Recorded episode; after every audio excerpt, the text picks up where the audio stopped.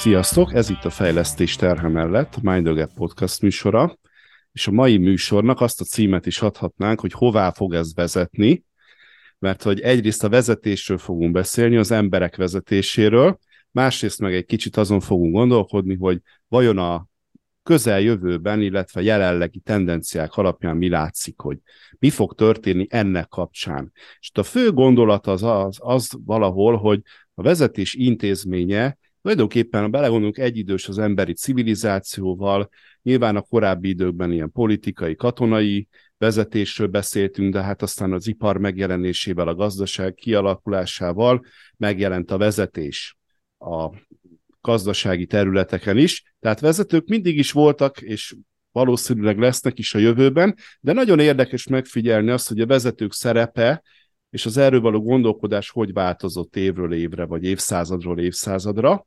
És számunkra ez most olyan szempontból érdekes, hogy megnéznénk, hogy ami ma történik 2022-23 környékén, azok a társadalmi, gazdasági változások vajon milyen vezetői szemléletet, vezetői gondolkodásmódot vetítenek elő. És aki pedig a beszélgető partnerem lesz ebben a beszélgetésben, az Avar Eszter.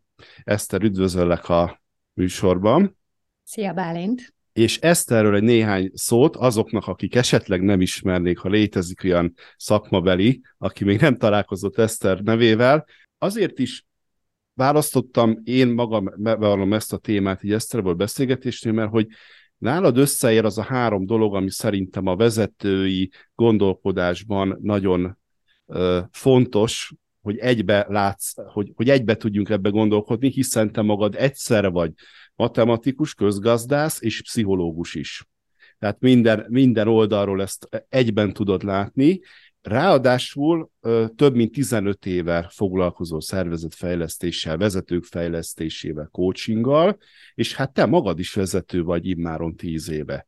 És nem régiben, ami egy aktuális dolog, egy új céget alapítottál, ha minden igaz, ha jól mondom, Blueberry névem.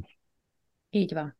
Hát ezt akkor vágjunk bele ebbe, és talán én azzal kezdeném a felütéskép, amit itt az intróba is mondtam, hogy hogy, hogy nézett ez ki korábban? Szól, amikor így a vezetés megjelent, és már nem csak katonai vezetést jelentett, hanem mondjuk cégek vezetését, az talán a második világháború után felépülő, illetve hát az első, világ, első és a második világháború környékén kiépülő nagy vállalatoknak az időszaka volt, 40-es, 50-es évek klasszikusan, én azt gondolom, és úgy, úgy, úgy érzem is, hogy akkor nagyon izgalmas volt, főleg a második világháború után, hogy a vezetői működésnek ez az autoritás dimenziója, ez hogyan befolyásolja a munkatársaknak a teljesítményét, a cégnek a kultúráját, stb. Nyilván ugye volt egy nagy élmény az egész világnak azzal kapcsolatban, hogy egy autoriter vezetés az mi minden gonoszságra képes a világban, és ugye ennek kapcsán ez egy kapott egy picit ilyen politikai felhangot is, és,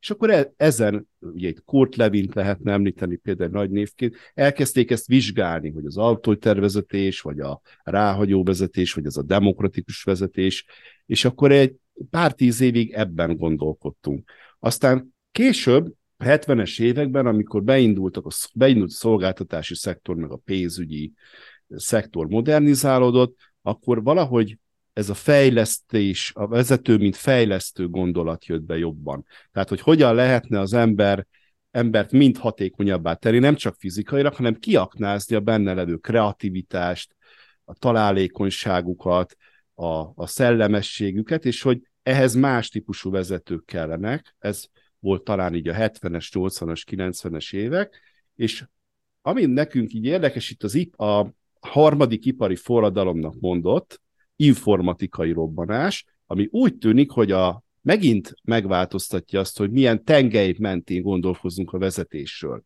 És itt már nem pusztán a demokratikus vezetésről, nem pusztán a fejlesztő vezetésről gondolkodunk, mert ez már egy kicsit olyan magától értetődő, hanem inkább arról, hogy hogyan lehetne mind, minél autonómabbá tenni a munkatársakat. Szóval ilyen, ilyen buzzword jönnek elő, hogy felhatalmazó vezető, szolgáló vezető, bevonó vezető, ugye az inclusive leadership, szóval, hogy hogy körülbelül ez indult el itt több irányban, és aztán így két-három éve ugye történt ez a nagy világméretű leállás, ahol az emberek gyakorlatilag fizikailag elvágó, elvágólag elkülönültek a vezetőktől, mármint a munkahelyük ugye a home office számát, és hogy nagyon kurensé vált ez a téma. És hogy talán érdemes lenne megvizsgálni azt, hogy mit tudunk ma mondani a ma vezetőinek arról, hogy hogyan gondolkodjon magáról vezetőként, mik azok a, azok a tengelyek, mik azok a szempontok, amelyek fontosak lehetnek abban, hogy ő sikeres, és a mai kornak, 2020-as éveknek egy eredményes vezetőjé váljon. Szóval Eszter, mit gondolsz erről, hogy mik a legfontosabb szempontok ebben a kérdéskörben? Nagyon izgi volt hallgatni, ahogy hoztad a buzzword meg hogy magamat figyelni, hogy mire rezonálok. És azt hiszem, hogy ami nagyon megragadott, meg ami mostanában szívemhez közel álló téma, az a felhatalmazás autonómia kérdése. És ahogy így gondolkodtam erről a témáról megelőzőleg, ráadásul tegnap, tegnap előtt pont vezető, fejlesztő tréninget tartva, és ott is előjött ez az izgalmas kérdés, hogy most akkor fel, fel kell hatalmazni a kollégákat, oké, okay, ebből már egyetértünk, de hogy miért is? És nagyon tipikus válasz az, hogy hát mert a mai generációnak erre van már igénye. Hm. És egyébként ez igaz, de én nem innen közelíteném. Tehát, hogy oké, okay, hogy Y generáció, Z generáció, alfa generáció, egyre nagyobb az autonómia iránti igény, de nem főleg ezért, vagy nem csak ezért érdemes így közelíteni, hanem azért is, mert olyan tempóban változnak a dolgok körülöttünk, hogy egyszerűen a nem felhatalmazó, nagy, nagyon kontrolláló vezetés nem elég gyors. Hát olyan hamar válik szűk keresztmetszetté az a vezető, aki megpróbál túl magas szinten kontrollálni dolgokat, hogy lemarad a cég. És azt gondolom, hogy ez egy, ez egy fontos érv vezetők számára, hogy itt nem arról van szó, hogy van egy elkényeztetett, függetlenségre vágyó, munka-magánélet egyensúlyt priorizáló generáció, hanem arról, hogy egyébként ebben a világban már nem nagyon lehet máshogy vezetni. Hát, hogy a, aki, aki lemarad, az kimarad, ugye ez a, az üzenetünk, és hogy nagyon érdekes ebben belegondolni, hogy, hogy tulajdonképpen ez verseny hátrányá kezd válni, ha jól értem a szavaidat, hogyha valaki a kellő mértéknél több kontroll tart magánál vezetőként. Akkor tulajdonképpen, hát most így logikusan azt is mondhatnánk, hogy akkor az lenne a legjobb, hogyha nem is lenne a szó klasszikus értelembe vezető, hanem mindenki saját hatáskörbe hozná meg a legjobb döntéseket, de akkor vajon, akkor miért vannak mégis vezetők, vagy, vagy ha igen, akkor mi lehet az ő funkciók ebbe az új világban, ami ezek szerint arról szól, hogy nagyon gyorsan, nagyon jó minőségű döntéseket helyben meghozni. Hát egyébként, ami feszegetsz, az nem is olyan valóságtól elrugaszkodott dolog. Mármint, hogy ne legyenek vezetők? Hogy ne legyenek vezetők, hogy eddig így van. rájuk. Aha. Pont pár hete beszélgettem egy svájci startupnak a People and Culture vezetőjével, most már nem is startupnak nevezném őket, mert 400 fős cégről van szó, ahol a gyakorlatban működik a holokrácia, vagyis a vezetők nélküli szervezeti működés, struktúra, uh-huh. nem is tudom, hogy nevezhetem-e struktúrának. Nagy, nagyon izgalmas kérdés, hogy egyáltalán kellenek-e vezetők, mit jelent a vezetés a szervezetben, és én nem állítom, hogy egy ö, elkötelezett holokrácia hívő vagyok. Én hiszek abban, hogy jót tesznek a vezetők ö, a szervezetnek, de hogy ö, az, amit klasszikusan vezetésnek nevezünk, ö, az manapság már nem az. Mit Valami lenne... egész más működésről van itt most már szó. Mit gondolsz, hogy mit, mit lenne jó elengedni? Szóval, hogy te ö, napi szinten találkozol vezetőkkel, Európa szerte is, ezek szerint, és, és látsz jó gyakorlatokat, konkrét technikákat, módszereket erre, hogy akkor valószínűleg el kell engedni bizonyos Bizony. szegmenseit ennek. Mit, mit tartasz te egy jó ilyen elengedési taktikának? Hát két szó jut elsőre eszembe. Az egyik a tervezés, a másik a kontroll. Aha. És persze egyiket sem egy az egyben, nem azt javaslom a vezetőknek, hogy semmit se tervezzenek, de hogy talán nem érdemes manapság már túltervezni, mert úgy is tudjuk, hogy meg fog változni nagyon-nagyon hamar a piac, és úgy is újra kell tervezni. Tehát, hogyha a vezető túl sok időt fordít arra, hogy kitalálja, hogy egy év múlva, meg két év múlva mi legyen, akkor talán fölöslegesen égeti az erőforrásokat. Manapság már vezetőként sokkal inkább úgy érdemes gondolkodni, hogy legyen egy, egy hosszú távú cél, egy vízió, egy, egy irány, amit mindenki lát, mindenki egyetért benne, legyenek nagyon stabil értékek, és utána pedig egy óriási fokú rugalmasság, de ez a rugalmasság nem megoldható akkor, hogyha állandóan fölsőbb szintekre kell vinni a döntéseket. Uh-huh. Akkor tud rugalmas lenni a szervezet, hogyha, hogyha teljes szervezetben a kollégák széles köre föl van hatalmazva, és lokálisan, gyorsan, prompt döntéseket tud hozni. És az jutott eszembe, ilyen valamiért ugrott be, ugye a sakban is van stratégia meg taktika, stratégia az körülbelül az, hogy nem tudom hogy mit akarsz elérni hosszú távon a meccsben, de ezeket így lépten nyomon felül kell bírálni, mert és ez a taktika, hogy az ellenfél, amit lép, nekem arra kell reagálni rugalmasan. És hogy mintha a világ egyébként e felé menne, hogy a taktika fontosabbá válik. Van valami célom, megnyerni valami ilyen meccset, vagy valamilyen módon ezt megtenni, de hogy nem, még a legjobb tervezést is utána, még talán sokban is így van, hogy, hogy el kell dobnom, hogyha valami váratlan dolog történik, és egyébként ezzel játszanak is a profi játékosok, hogy direkt valami váratlan lépnek, ami még soha nem volt és hogy valahogy, mintha a világunk is e felé menne, hogy valami olyan dolog történik lépten nyomon, ami még sose történt, vagy nagyon régen, mi, mi világunkban még nem, tehát tudom, elmúlt száz évben, és hogy nincs rá jó recept, hogy hogyan, hogyha ez történik, akkor nekem ezt kell hanem ezt ott helyben kell kitalálni. Tehát ez, ez mennyire valid, vagy ezt így lehet mondani, hogy a stratégia a háttérbe szorul valójában is? Marad a, ta, marad a vízió, meg a taktika ezek szerint? Én azt gondolom, hogy igen, amennyiben a stratégiát a, a szó klasszikus értelmében, ez az egy-két éves stratégia, hát vagy ha nem szorul háttérbe, akkor is fölülíródik, és akkor utólag megkérdőjelezhetjük, hogy volt-e értelme ennyi sok órát elpazarolnunk arra, hogy nagyon-nagyon kidolgoztuk, hogy hogy fogunk idén meg jövőre működni.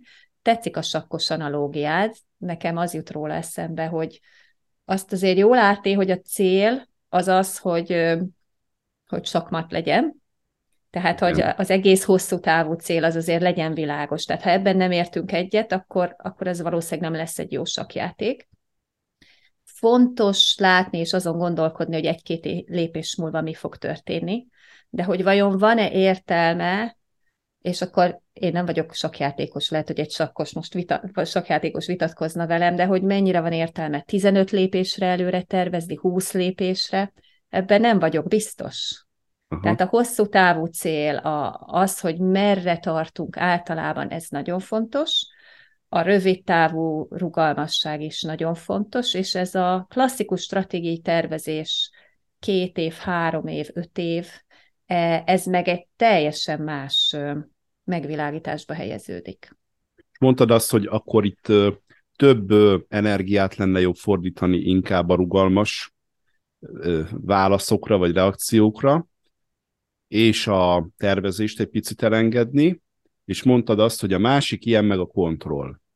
És ez és nagyon szerinted, nehéz. Igen, amikor ezt így kimondod, és hogy én is, én is egyébként híve vagyok, meg szerintem minden coach kolléga ez itt most bólogat talán így magába, de amikor egy vezetői csoportba, vagy akár egy vezetőnek személyesen ezt behozod, akkor úgy elkezdenek gyűlni a ráncok, meg ilyen kicsit úgy látjuk, hogy egy kicsit úgy megfeszül, hogy hát ez ilyen jó hangzik, meg hát persze ilyen elméletben jó hangzik, de hát de hát. És akkor Igen. mi az, ami ebben jól tud működni? Mert szerintem, szerintem vezetők is most általánosságban ezzel egyetértenek, hogy te is mondtad. Aztán a hétköznapokban meg ott van az, hogy adott helyzetben azért jó lenne tudni, hogy mi van, kivel, éppen mit csinál, de hogy, szóval, hogy mi az, ami működik szerinted a kontroll elengedésében?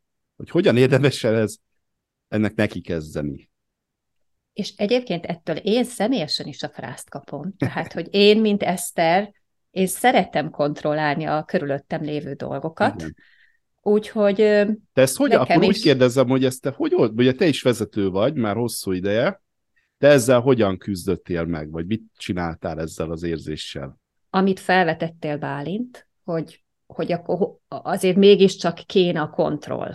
Ezt jogosan gondolja a vezető, és én azt kérdezném vissza, hogy mire van igazából szükség? Az, hogy kontrolláljam és tudjam, hogy mi van mindig, vagy az, hogy rendben legyenek a dolgok, és tudhassam azt, hogy rendben van. És ez a kettő nem pontosan ugyanaz. És itt jön be a bizalom szerepe. Hogyha nekem van egy kollégám, akiről tudom, hogy vérprofi, az értékrendem, dünk azonos, és egy irányba megyünk. Jók a szándékai, egy irányba szeretnénk vinni a céget, a szervezetet, akkor talán elég nekem, ha tudom, hogy ez a kollégám felelősen fog eljárni az adott helyzetben, és nem kell nekem tudnom azt, hogy pontosan mit dönt. És hm? itt, itt eljutunk egy következő szóig, a bizalom szaváig, hogy ez a, biza, ez a felhatalmazás akkor tud működni, ha van bizalom. De persze, hogy lesz bizalom, nem lesz magától.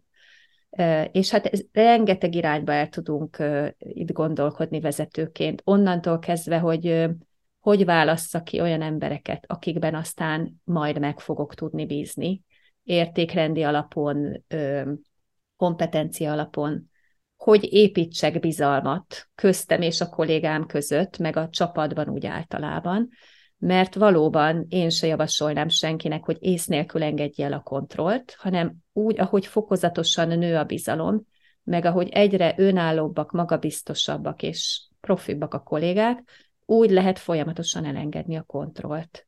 Úgyhogy az előző másik kérdésedre a, a válasz, hogy én ezt hogy csinálom, vagy csináltam, hát lassan, óvatosan, fokozatosan, utólag lassabban talán, mint ideális lenne, mert szeretem alkatomból fakadóan, szeretek sok mindent kontrollálni, de nagy tudatossággal azzal kapcsolatban, hogy ahogy nekem nő a bizalmam, úgy sikerülni fog. Úgyhogy a, nálunk a csapatban például a, a csapat építése, a csapaton belüli kapcsolatok erősítése az pont emiatt nagy fókuszban volt, hogy utána mindenki el tudja engedni a másik kontrollálását. És voltak olyan helyzetek, amikor ez a bizalom így megingott, valami olyan történt, ahol azt érezted, hogy hát itt nem lett megszolgálva ez a bizalom? Azért kérdezem, mert feltételezem, hogy ha egy vezető ezen az úton elindul, akkor lesz ilyen, és feltételezem, hogy talán nálad is volt, és hogy ezeket a helyzeteket hogy a legjobb kezelni vajon. Uh-huh. Volt, és több példa is eszembe jut rögtön. Eszembe jutnak olyan esetek, amikor egy olyan fajta bizalmi törés, ami értékrendi alapú. Aha. Ö, amikor azt érzem, hogy egy, egy számomra fontos, akár etikai normát sértett az adott partner vagy kolléga, és ezekből a fajta bizalmi törésekből azt gondolom, hogy nagyon nehéz visszajönni. Ezért én a, és egyébként vezetői feladatként az, az értékrendnek a, az építését, tudatosítását én ezért nagyon szeretem magam számára is hangsúlyozni. Ez egy típusú bizalmi törés vagy megingás. Vannak a másik helyzetek, amikor mondjuk a kolléga hibát követel. És ez meg egy teljesen másik eset. Ez az, amikor kiderül, hogy én bíztam benne, ő bízott magában, és mégsem úgy sikerült. Uh-huh. És hát ekkor vezetői feladat nem visszavonni a bizalmat, uh-huh. hanem, hanem megbeszélni, átbeszélni, kócsolni, és újra megadni. És ez nem mindig könnyű, de azt gondolom, hogy nincs más út mert az egyetlen más út az az lenne, hogy akkor megint csak elkezdem kontrollálni, újra magamra húzom a feladatot, mikromenedzselek, gyakorlatilag egy lefelé induló spirálba kerülünk, én is, meg a csapat is. Igen, tehát hogy valahogy az lenne a nyilván cél, hogy egy teljesen ilyen felhatalmazott önjáró kolléga legyen, akivel azonos az értékrend, tehát hogy abban nincs bizalomvesztés, Igen. és bízva abba, hogy, hogy akkor ő képes a, és hajlandó arra, hogy akár önmagát fe, fej, fejlesz akár az én visszajelzéseimmel, mm. az én, mint vezető visszajelzéseimmel. És egy, még egy dolgot hadd fűzzek hozzá, hogy így visszahallgattam, hogy de ehhez nagyon sokat kell beszélgetni. Aha. Me, és érdekes, hogy lehet, hogy nem ez jön, hogy felhatalmazó vezetés, hát akkor ő menjen és csinálja önállóan felhalmaz, felhatalmazottan. És lehet, hogy lesz egy olyan pont, amikor már kevésbé intenzíven kell, de hogy az, hogy, hogy én valóban megbízzak benne, hogy érezzem azt, hogy nyugodt lehetek, nem kell nekem álmomban hánykolódnom, mert rendben lesznek a dolgok, ahhoz azt kell, hogy előtte rengeteg félreértést, kisiklást, nézeteltérést tisztázzunk folyamatosan. Úgyhogy a felhatalmazó vezetés az egyébként egy nagyon intenzív, transzparens kommunikációt is kell, hogy jelentsen. És hogy ugye ez, amiről beszélünk, az nem olyan értelemben nem új dolog, hogy az elmúlt egy vagy két évben jött volna létre, hanem már a COVID időszak, ami szerintem egy ilyen, ilyen trendfordító dolog, ami történt a világban, vagy nem tudom, egy ilyen nagyon nagyon markáns dolog, de hogy ez már azelőtt is téma volt. Abszolút. Korábban talán a delegálás, mint vezetői funkciónál egész a 70-es évek óta ez, ez téma. De a kérdés az az, hogy, hogy, hogy arról mit gondolsz, hogy aztán eljött a, az éles bevetés időszak a 2020-ban. Tehát én, amióta tréninget tartok, meg te is szerintem, amióta tréninget tartsz, azóta, azóta beszélünk erről, hogy delegálás, felhatalmazás, hogyan csináljuk, mi ennek a módja, stb. És aztán ezt valamennyire csinálják, megtanulják, értik, stb. És aztán itt volt egy ilyen, nem is azt mondanám, hogy főpróba, hanem, hanem egy éles bevetés. Ahol láttuk azt, hogy hát hol működött, hol nem. Mert a kérdés az az, hogy mitől működött ott, ahol ez működött, mert hogy szerencsére azt is lehetett látni, hogy néhány cégnél ezt valahogy így értették, valószínűleg már korábban beültették a gyakorlatba. Máshol meg, mint hogyha lehúztak volna egy redőnyt, és, és teljesen beálltak ebbe a command and controlnak nevezett, tehát ez a parancsuralmi rendszerbe. És azért az izgalmas, hogy te, te mit láttál, hogy mitől tudott ez az éles bevetés során működni, tehát azok a cégek, vagy azok a vezetők, akik ezt jól csinálták, azok, azok miképpen tudták ezt megugrani. Hát izgalmas kérdés, hogy hol állt a bizalom és a felhatalmazás COVID előtt. Uh-huh. Mert ha van egy csapat, amelyiknek a tagjaiban én alapvetően nem bízom, nem tudom, hogy, hogy miben jók, miben nem, és akkor hirtelen azt mondják, hogy na most akkor bekötjük a szemedet, becsukjuk a füledet, és majd ők megoldják, azért vezetőként én is a frászt kapnám, mert hogy az én felelősségem végső soron.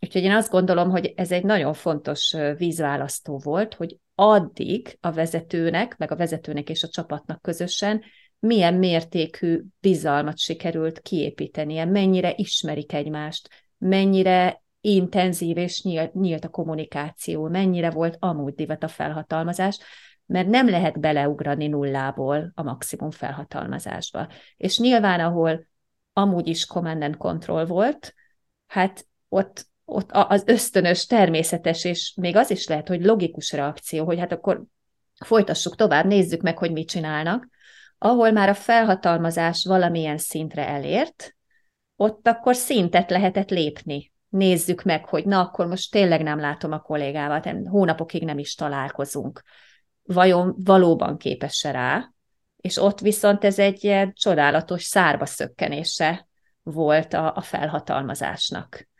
Azt azért én se javasolnám senkinek, hogy egy teljesen ismeretlen csapatot kezdjen el vakon vezetni. Nyilván ebből egy fontos tanulság, hogy ezt fokozatosan ki kell építeni, hogy amikor viszont éles bevetés jön, akkor ennek már meglegyen az alapja. Kicsit úgy is hangzik nekem, mint tulajdonképpen egy ilyen tréning program, vagy egy ilyen fejlesztési program, hogy, hogy arra kellene felkészíteni a vezetőket már az elején, hogy, hogy olyan viszonyban legyen a csapatával, hogy ha mondjuk jön valami hasonló, akár egy ilyen elszigetelés, akár valami olyan nagyon turbulens világ, lehet, hogy ez már holnap meg fog történni, ahol nagyon fontos a gyors döntés, hogy rövid, viszonylag rövid határidővel eljutatni, eljutni oda a kollégáimmal, a beosztott kollégáimmal, hogy ez a fajta bizalom kiépüljön.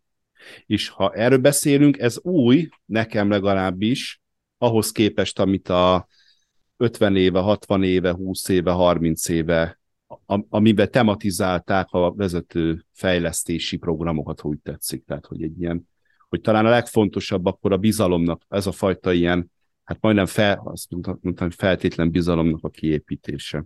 Igen. És ez nagyon szoftos témának hangzik, de egyébként, Igen. hogyha ha azt akarjuk, hogy ez megvalósuljon, és a szervezet eredményes, sikeres legyen, akkor egyébként nagyon sok kőkemény feltétele van. Rögtön, amit már említettem is korábban, a kiválasztás. Hogyha nem veszi nagyon komolyan a szervezet azt, hogy alaposan megszüli a jelölteket, tényleg csak olyan jöhet be a szervezetbe, aki értékrendileg passzol, aki tud azonosulni a vízióval, akkor, akkor ez az egész nem fog működni, mert hogy is alakulhatna ki a bizalom. Hogyha teljesítményértékelés, vagy inkább teljesítménymenedzsmentnek mondanám, visszajelzések rendszere nem fejlett, nincs meg annak a kultúrája, hogy visszajelzem, hogy valami nem oké, akkor hogy is alakulhatna ki a bizalom? Úgyhogy ez nem egy ilyen rögtön adom, fruti helyet is ezt szórom téma, hanem nagyon sok olyan feltétele van, hogy ez tényleg tudjon teljesülni, mert a felhatalmazás nem úgy kell, hogy történjen, hogy a vezető odadobja a feladatot, felhatalmaz, és aztán rosszul van, és gyomorgörcse lesz, hogy vajon mit fognak csinálni Igen. a kollégák. Az a jó felhatalmazás, amikor tényleg nem szorongva kell ezt tennem, hanem nem is mindig könnyedén, mert azért ez talán nem annyira könnyű, de de hogy jó érzéssel tudom megtenni, mert tudom, hogy a megfelelő emberek a megfelelő feladatot jó szándékkal, kompetensen végzik. Ugye eddig arról beszéltünk, hogy mi az, amit jó lenne elengedni, ugye egyrészt a tervezést, mondtuk, másrészt meg a kontrollt. Van-e olyan, látsz olyat a gyakorlatban, ami plusz ilyen felveendő vagy elkezdendő dolog, ami nem a előbbieknek az ellentéte, hanem valami más minőség, amit talán közelmúltban ritkábban használtunk vezetőként. Nagyon sok minden, ami megint csak, ugye ezek nem olyan témák, amik vadonatújak, hanem amelyeknek a jelentősége egyre erősödik. Igen. Rögtön, amit említettünk, szó, szó volt most éppen róla, a visszajelzés, a visszajelzés kultúrája. Ugye erre egy külön podcast epizód is volt, úgyhogy talán nem is ebbe mennék bele, egy más dolgot hoznék, ami, amiről kevesebbet szoktunk beszélni. A diverzitás, az, hogy olyan csapatok lesznek manapság már sikeresek, ahol nem ugyanolyan emberek százai ülnek. Mert nagyon nehéz innovatívan közelíteni dolgokhoz úgy, hogy a szervezetben ott ül egy Bálint, és még 200 Bálint igen. Vagy Eszter és még 200 Eszter. Szóval, hogy ebből, ebből nem lesznek igazi kreatív gondolatok, ebből nem lesz újítás. Vagy csak az lesz, és csomó ötlet, meg ilyen vad elképzelés. Most, ha magamból indulok ki, persze. Hát, de, de ugye általában az innováció nem úgy működik, hogy egy embernek van nagyon sok vad gondolata, hanem amikor több ember elkezd beszélgetni, és különböző gondolatokat Igen. ütköztet, abból lesznek az igazi innovációk, de ehhez azt kell, hogy ne legyünk ugyanolyanok. Ez olyan jó ez, ez hogy behozod, mert ez egy szerintem annyira elhasználódott fogalom a diverzitás. Én emlékszem, ilyen 2000-es években ilyen diverzitás tréningek jöttek be, és akkor ilyen hát az körülbelül úgy nézett ki, ahogy emlékem szerint, hogy ült egy, egy ilyen egy, egy fiktív figura turbánban, mellette valaki, nem tudom én, ilyen ázsiai, akkor afroamerikai, és akkor ilyen van, aki hétfőn nem dolgozhat, mert neki ez a vallási nap, van, aki pénteken, szóval, hogy így ez.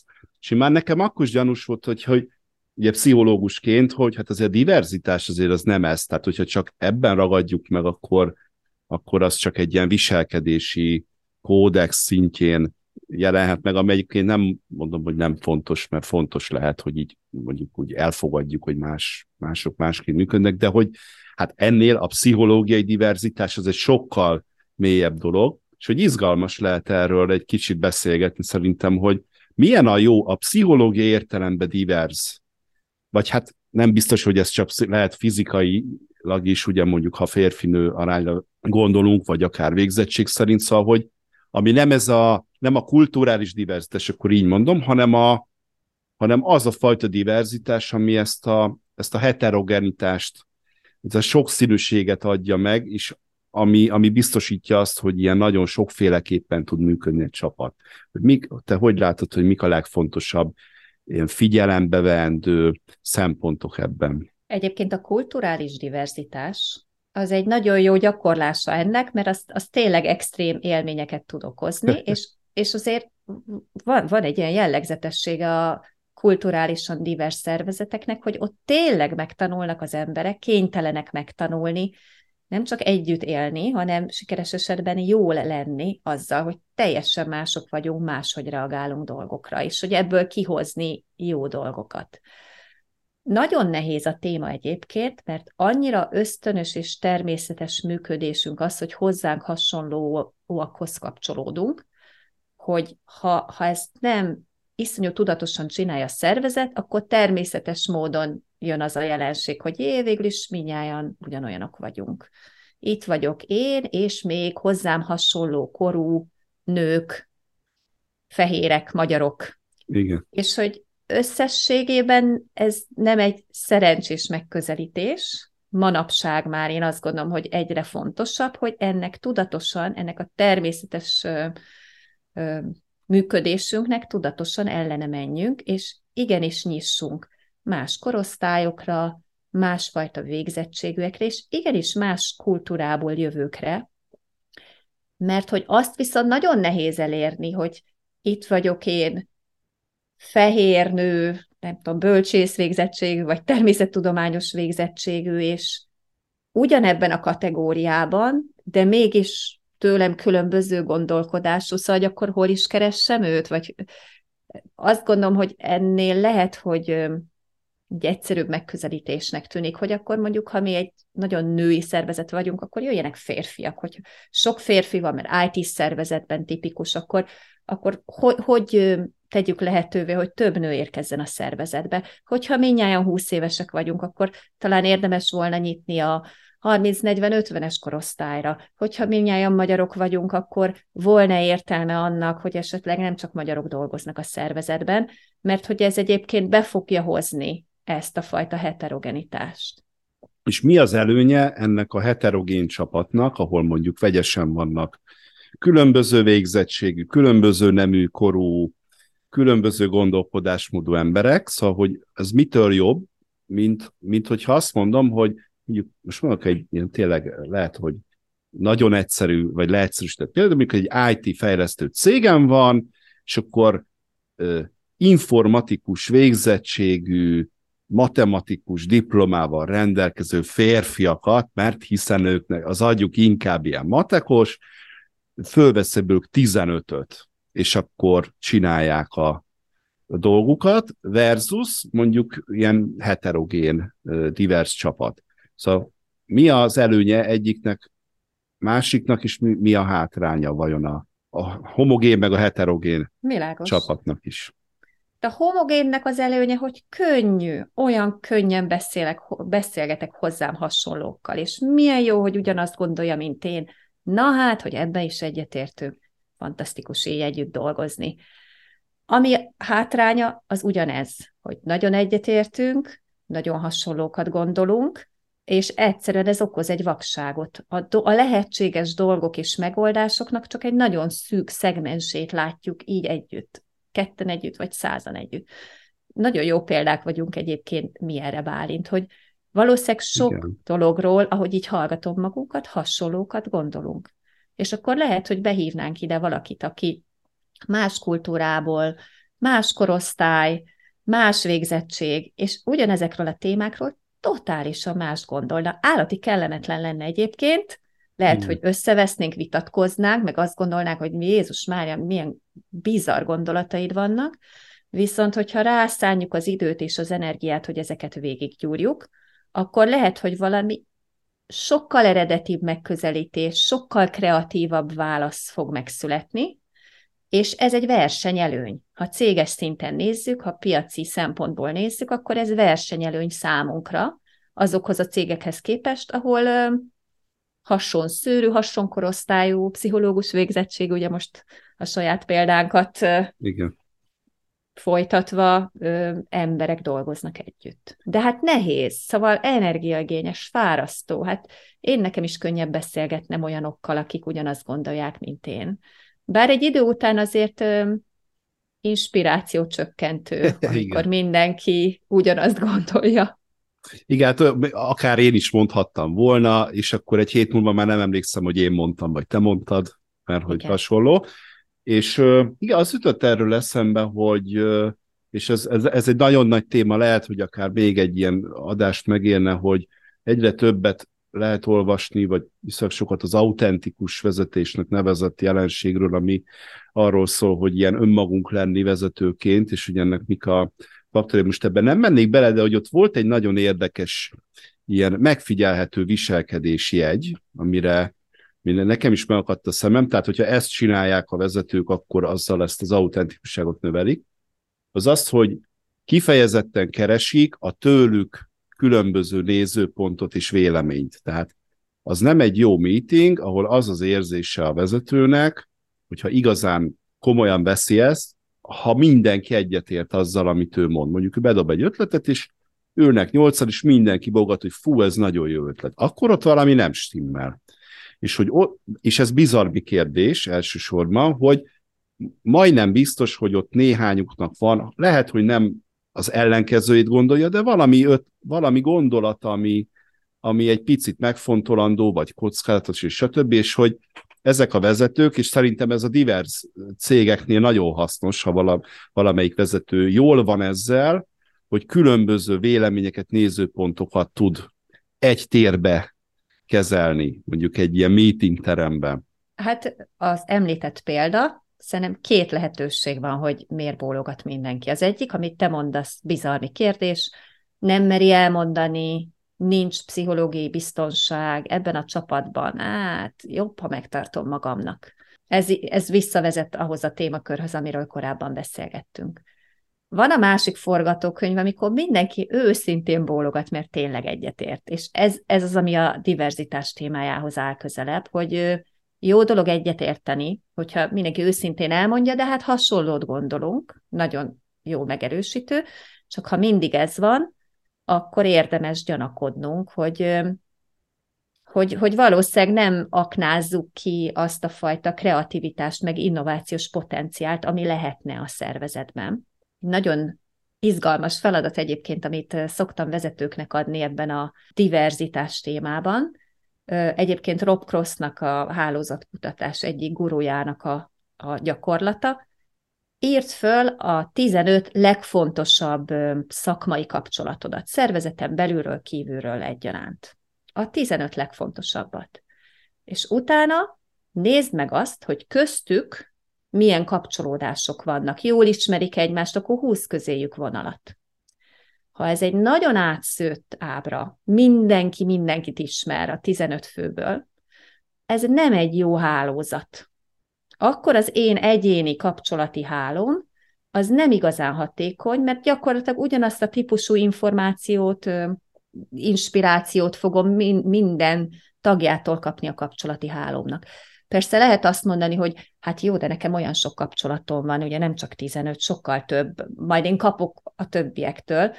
Nem így van egyébként, ezért is nagyon izgalmas ez a 15-ös szám, mert hogy egyébként meg egy van egy kapacitás, hogy mennyi időt tudok tölteni hány emberrel, Magyarán hiába ismerek én 120 ember, de nem fogok velük folyamatosan kapcsolatot tartani. Úgyhogy ha nagyon homogén ez a személyes hálózat, nagyon mindenki mindenkit ismer, nagyon ugyanazokról beszélgetnek, akkor összességében nem leszek olyan innovatív, nem leszek olyan kreatív, nem leszek olyan széles körülön informált, és végül is ez a szervezet eredményességére is negatívan fog hatni. Egy kicsit ez a buborék effektus jutott oda szembe, hogy egy buborékba vagyunk, és így, hát mindannyian azt gondoljuk erről, és aztán a végén kiderül, hogy a valóság meg hát valami más, és aztán meglepődünk, és nem értjük, hogy hát hogyan, hogyan lehetséges ez. Hát hiszen és mindenki, akit ismerek, a buborék, mindenki, nem? akit Mennyire? ismerek, ezt, ezt mondta, hogy erre menjünk, vagy ez a jó megoldás, vagy úgyis ez fog történni, és akkor nem érthetetlen. Egyébként a történelmi példa, és azt meg azt vizsgálta a, a szociálpszichológia, hogy a Kennedy kormányzás idejében az USA-ban, hát a, állítólag, vagy hát ahogy így hallottam, a, van egy ilyen közvélekedés, hogy a leg, legjobb minőségű apparátusa a Kennedynek volt. Tehát iszonyú koponyák mindenhonnan, gazdaság, stb. hadsereg, ilyesmi, külpolitika, és hogy mégis amikor arról volt szó, hogy akkor Kubába hogyan menjenek be, ne menjenek be, partra szálljanak, stb. Ugye ez a disznóből konfliktus, akkor retteretesen rossz döntést hoztak, nagyon sokan meg, tehát egy baklövést követtek el, a legjobb koponyák. És azt utólag kiderült, hogy nem azért, mert hogy a Kennedy mindenkit lenyomott volna, hanem mert egy ilyen óriási nagy buborékba voltak, és nem volt senki, aki, aki másképp gondolkodott volna, és azt mondta volna, hogy te figyelj, Bob, hát ez, ez, ez hülyeség, ezt ne csináld, mert nem tudom. Egyszerűen nem volt az apparátusban ilyen, valószínű, mert egy ilyen egyivású, egy gondolkodású emberek alkották. És itt bejön az, amit te említettél korábban, az autentikus vezetésnek az önreflexió, mint ugye az egyik dimenziója hogy ezt nem, nem tudom magam, magamtól különböző emberekkel körülvenni, hogyha ezt egy autópilóta üzemmódban csinálom. Tehát muszáj nagyon tudatosnak lenni, nagyon figyelni magam, nagyon ismerni a, az ösztönös reakcióimat, hogy bizonyos pontokon olyan döntéseket hozhassak, amelyek nem a legkényelmesebbek. És uh-huh. akkor e, ugye az autentikus vezetés tudom, hogy számodra is kedves modell, e, ez az egyik sarokköve, az önismeret, az önreflexió, hogy olyan, tehát ez egy alapvető készség manapság már, mert ha nem figyeli, ismeri magát jól a vezető, akkor nem tudja ezeket a nehéz döntéseket, működéseket megvalósítani. És ez talán a másik ilyen szempont, ami, ami újszerű, legalábbis így a vezetői, mondjuk ilyen áligás kompetenciákból, hogy úgy mondjam, tehát hogy ami, ami nagyon elő van ma, ugye a diverzitás, divers csapat felépítése, azt beszéltük, hogy hát mindig is téma volt, de most nagyon, nagyon elő van, és hogy ugyanennyire érzem én legalábbis, de majd át, kíváncsi hogy te hogy látod, a, a vezetők önismeretének a témáját, hogy mindig is persze fontos volt, Nyilván ez a nice to have-nek nevezett kategóriába, hogyha már így mar- még maradt egy csomó mindenre költöttünk, a budgetből, és még egy pici maradt, akkor csináljunk, jó, akkor csináljunk önismereti tréninget. Volt egy hosszú évek igen, ez a mondás, és most egyre inkább én legalábbis azt látom, hogy előre került. Pontosan ezért, mert ahhoz, hogy ezt a modern szemléletű vezetést tudjuk működtetni, az első dolog, hogy megtanuljunk önreflexiót gyakorolni magunkon, és hogy, és hogy tisztában legyünk az, egyszerűen a saját működésünkkel, meg a saját ö, ö, működésünk hatásaival. És nem tudom, hogy te hogy ö, látod ezt, illetve mit tapasztalsz ebben. Nagyon könnyű eldirigálni egy csapatot önismeret nélkül is. Igen. Hogyha jó, ö, alázatos ö, alatvalói vannak, akkor én megmondom, ő megcsinálja, és ehhez nem kell nagy önismeret az én részemről. Amikor felhatalmazó vezetőként nagy szabadsággal dolgoznak a kollégák, akkor mi más marad, mint eszköz, mint a saját személyiségem, kommunikációm. E, e, ez az, ami van. Ezzel kell dolgozni. És az viszont nem működik önismeret és önreflexió nélkül hogy, hogy tudnék hitelesen egy víziót festeni, és arra bíztatni egyébként szabadon döntő munkatársakat, hogy jöjjenek velem, hogyha én magam sem tudom, hogy számomra mi a fontos, mik az én értékeim. Úgyhogy hát ebben a más típusú vezetésben minden vezető a saját autentikus személyiségével kell, hogy dolgozzon, de ehhez első lépésként jó, hogyha rálát arra, hogy ő milyen. Tehát önismeret, divers csapatoknak az építése, van-e még olyan, amit, amit így kiemelnél, amit uh, így megüzennénk így a hallgatóknak, akik akár vezetők is lehetnek, hogy mi az, amiben ilyen jó szívvel, bátran vágjanak bele, vagy emeljék be a, az ő működésükbe? Hát szerintem bár itt említsük meg a coachingot. Én azt gondolom, hogy ez mindkettőnek fontos. Nem bánod? Most az egyszerű benne, igen. De hát ez is, hogy coaching típusú vezetés, hát szerintem ezzel mindenki találkozott, minden vezető, aki valaha járt tréningen. Aztán, hogy ezen belül miről van szó mondjuk egy tréningen, az már egy más kérdés. Általában technikai dolgokról, négy lépés, mi az a négy lépés, amit ugye egy coaching, stb. Hogyan érdemes ma erről gondolkodni, a coaching szemléletű vezetésről? Ugye a coachingnak az a lényeg, hogy egy olyan fajta segítés a fejlődésnek, amikor nem én tanítalak, hanem én támogatlak abban, hogy te magad tanítsd magad, te magad fejlődj. Tehát, hogy a felelősségnek az eloszlása más a tanító és a tanítvány, a coach és a coacholt között.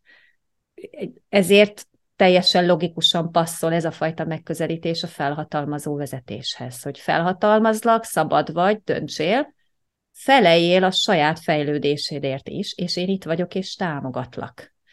Én annyi vezetőt hallok panaszkodni arra, hogy nem elég proaktívak a kollégák, nincsen tulajdonosi szemléletük, és azt gondolom, hogy ez a coaching típusú vezetés és megközelítés, ez egy nagyon erős eszköz arra, hogy ez a fajta tulajdonosi hozzáállás, proaktivitás megszülessen. Ha én állandóan megmondom a tutit, neked így kéne csinálnod, akkor abból nagyon nehéz kinöveszteni egy, egy nagyobb felelősségvállalást, miközben a vezető erre vágyna, nagyon hiányzik neki, hogy felelősséget vállaljon a kolléga, de mégis minden kis kanállal odaad, oda tesz, megmond, tálcánhoz. Igen, én, én azt, azt a kérdést szoktam így föltenni kócsoknak is, akik tanulják ezt, hogy tegye föl magának a kérdést, kócsként vagy vezetőként, és hogyha arra igen a válasz, akkor, akkor fog jönni a többi is, de ha kételkedik benne, akkor nem fog működni, hogy, hogy elhiszi-e azt, hogy azt a problémát, amivel jön a munkatárs vagy a kliens, hogy azt a helyzetet az az ember fogja tudni a legjobban megoldani, aki hozta. Hogy ebbe hisze. Ha, ha csak egy pici kétsége is van benne, akkor ez nem fog működni. Tehát az első, hogy én magamba ezt helyre tegyem, és szerintem ez egy, ez egy hitvallás, hogy én azt mondom, most emberként tulajdonképpen, hogy a segítség nem az, hogy én megmondom neked, és nem azért, mert hogy nem akarok előtérben lenni, meg nem akarok okoskodni, hanem egyszerűen azért, mert értem azt, hogy ha én elolvasok ezer könyvet, vagy 50 év tapasztalatom van abban, amiben valaki tök kezdő, akkor se fogom tudni azt a helyzetet olyan jól megoldani, mint amit az adott személy képes lenne rá. Hát és például azért, igen. mert ő van ott a helyzetben, ő van ott az igen. ügyféllel. Ugye én, én nagyon gyakran trénereket, kócsokat vezetek, lehetne okoskodni, hogy szerintem ezen a tréningen, vagy ebben az ügyfélhelyzetben így csináld, és néha meg is teszem. Igen, azért. Néha és meg... nem mindig vagyok erre büszke. Megint, mi, megint nálam is, nálad is azért ez a dolog, igen. Ez, ez, ez, szerintem ez így jól van így. Igen. De hogy, hogy meg hát, hogyha ha semmilyen tapasztalat nincs, akkor az sokszor szok, szokott segíteni, hogy információt adunk, inputot, hogy, vagy mondunk egy pár dolgot, hogy például nálam ezek a dolgok be, beváltak, de az sem úgy, hogy figyelj, akkor én a helyedbe ezt tenném, vagy próbált ki ezt, mert ez biztos jó, hanem hogy, hogy megosztom, hogy, hogy én, hogy én nálam például ez bevált, de, de nem tudom, hogy nálad beválik-e, mit gondolsz erről. És hogy ez a, van egy ilyen kompetencia egyébként a, a coaching, coach kompetenciában, hogy valami ilyesmi, nem ciki, hogy nem tudom kívülről, hogy, hogy jól bánik a nem tudással a jó coach, jól bánik a nem tudással. Azzal, hogy ő nem tudja a megoldást, és ezzel jól bánik, Én ez zárjában hozzátenném, hogy szerintem az esetek száz százaléka ilyen, hogy biztosak nem lehetünk abba, hogy az a jó megoldás, ami a mi fejünkben van, hanem valahogy azt kell tudni elérni, hogy a lehető legtöbbet kihozzuk a beosztott munkatársból, vagy a kliensből, és hogy ő maga fölül múlja önmagát, és hogy ezáltal megoldjon helyzeteket. És megint a kontroll témájánál vagyunk, a jól bánik a nem tudással, hogy hát itt van megint egy helyzet, amit nem tudok kontrollálni, mert én magam sem tudom a megoldást, és az van, hogy a mai világban az eseteknek egy nagy része ilyen. Hiába vagyok én nagyon szenior, sok-sok éve a szakmában, bármi legyen is a szakmám, itt van egy újabb helyzet, én se tudom, te se tudod. Hát akkor nincs más hátra, egy coaching típusú megközelítés fog működni, mert nem tudom neked megmondani az okosat. Vagy ha nagyon azt hiszem, az nem tesz engem jó vezetővé. De azért a rendkedvéért tegyük hozzá, hogy ugye itt amiről beszélgetünk, az szenior emberek komplex helyzetei.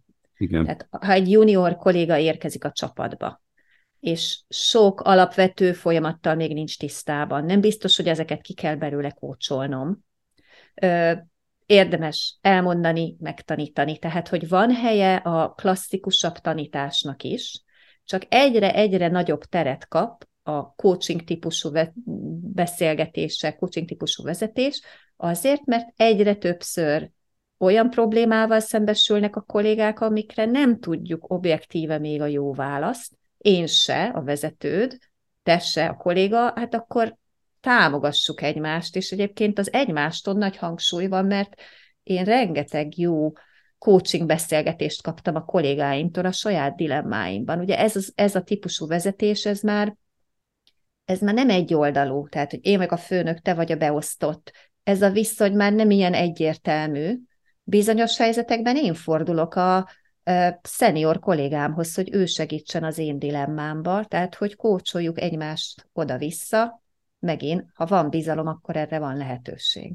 Milyen jó, hogy ezt mondtad, és szerintem ez ilyen végszónak is jó, hogy a bizalom, ez a fajta vezetés, a felhatalmazás, az valahol szerintem itt kezdődik, hogy, hogy nem egyirányú a dolog, nem én kócsollak téged, nem én beszélgetek veled, nem én hívlak be téged, vagy hívlak föl téged, nem én nézek rád, tehát nem a vezetőtől indul valami, és a beosztott felé mutat a nyíl, hanem hogy valahogy ez ilyen oda-vissza körnek jó lennie, tehát beszélgetünk, egymást fölhívjuk, egymástól megkérdezzük a egymás véleményét, vagy, vagy tanácsot kérünk egymástól, te is tőlem, én is tőled.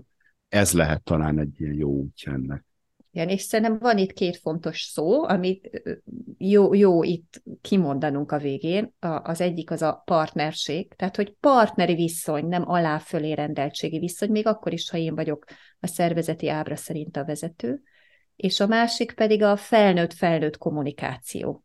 Tehát én nem egy hatalmaskodó valaki vagyok, és te, mint a gyermek, bár ezzel lehet vitatkozni, hogy a mai szülők hogy csinálják és hogy kéne csinálni, de ez egy másik podcast ez témája. De hogy felnőttként kezeljük egymást, ebben benne van a szabadságadás meg a felhatalmazás, de az is, hogy elvárom azt, hogy te is felnőttként dönts, tehát nem egy gondoskodó ö, szerepen van, hanem egy partneri kapcsolatban vagyunk, felnőtt-felnőtt viszonyban. Hát így legyen. Ehhez kívánok minden kedves hallgatónak sok sikert, meg sok erőt, meg hát ha inspirálódtatók ebben a témában, itt a beszélgetés kapcsán, akkor szerintem mi nagyon elégedettek leszünk. Én magam nagyon sokat, szóval itt most meg is valósult, amiről beszéltünk, hogy tök jó gondolataim, meg, meg ötleteim támadtak. Köszönöm szépen, Eszter, neked a beszélgetést. Én Mezőfi Bálint voltam, ez volt a Fejlesztés Terhe mellett podcast. Vigyázzatok magatokra, és hát 2023-ban is jó vezetést kívánunk mindenkinek. Köszönöm Sziasztok! Szépen. Sziasztok!